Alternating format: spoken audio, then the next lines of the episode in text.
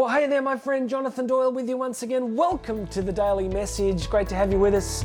If you're listening on the podcast, whatever you're doing, whether you're watching on YouTube or Rumble or somewhere else, please make sure you have subscribed. I know I say it every day, but it makes a difference. It's really cool to see it grow and to see people subscribing. So please do that for me. And uh, there's a bunch of links here wherever you're listening or watching. Uh, free copy of my book, Bridging the Gap. Go grab a free copy.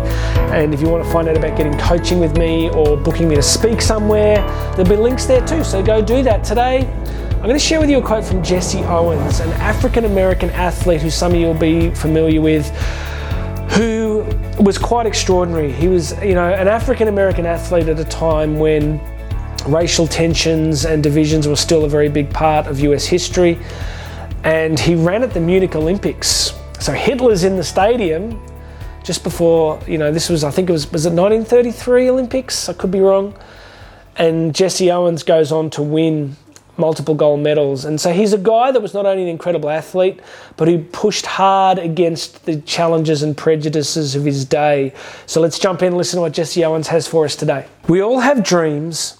But in order to make dreams come into reality, it takes an awful lot of determination, dedication, self discipline, and effort. All right, regular listeners know I hit this drum pretty regularly, don't I?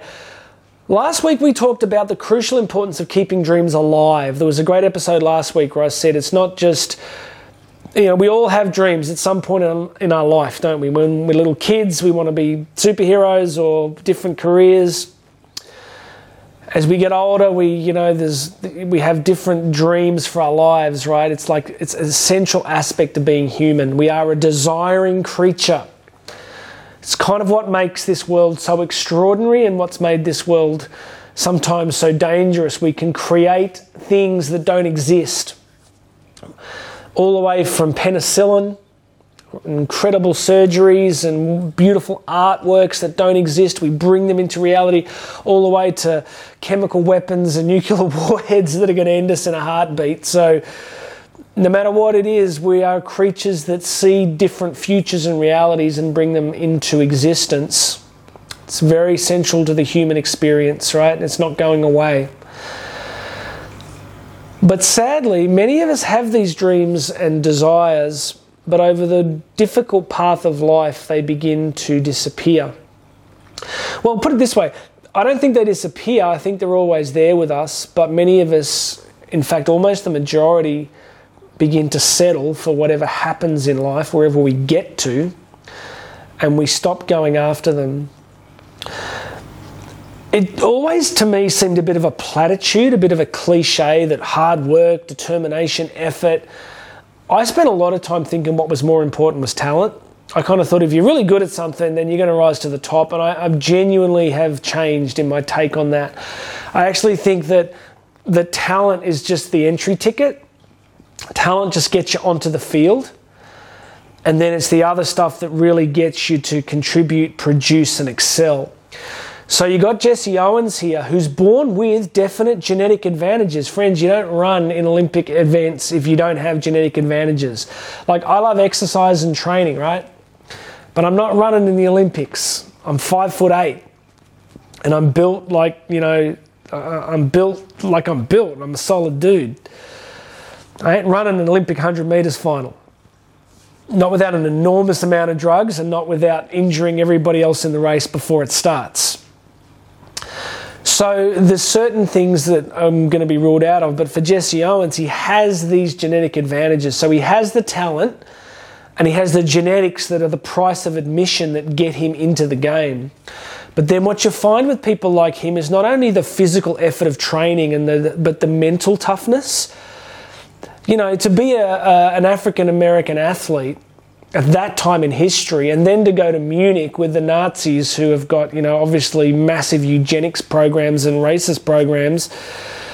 And to be in that place and to compete and to win requires an incredible mental toughness and dedication and determination that I will win, that I will triumph, I will persevere, I will do the work. I read a similar quote from Muhammad Ali, who, who he sort of said that he hated every second of training. He said he never liked it, never enjoyed it, was never pleasant, ever. So some people love to train, and he said no. He said, but I knew that if I did it, I'd be a champion forever.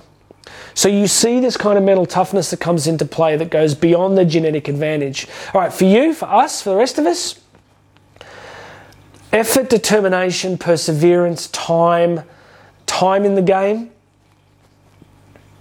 You know, in economics and investment, we talk about, you know, they say that uh, time in the market is more important than timing the market. I don't think it's quite true, but I take the point that sometimes it's just being somewhere for long enough and sticking at it for long enough. So I want you to, I want to ask you today, have you still got your dreams and goals? Do you still have them? Can you recall them? Can you recall something that you might have let go of that still means a lot to you? Well, unless you've stopped breathing, you know, there's still time. But what's necessary is determination, effort, and doing difficult things. You know, and there's goals and dreams that I've got that have been hit pretty hard by the government behaviour over the last few years with lockdowns and stuff but I'm not giving up. It's just this concept of sticking at it, determination that I'm not going to quit, I'm not going to stop. So, listen, talent gets you in the game, but it's your effort and determination that are going to carry you towards the dreams and goals that you need to keep front and center. You need to keep those dreams and goals in front of you, no matter what, how bleak things look, no matter how difficult things look. You've got to hold on to them. You've got to keep them there. You've just got to keep going. All right, that's it. Please make sure you subscribe. Check out the links below. Free book, coaching, book me to speak at an event. Go check out the links. God bless you. My name's Jonathan Doyle, and I have another message for you tomorrow.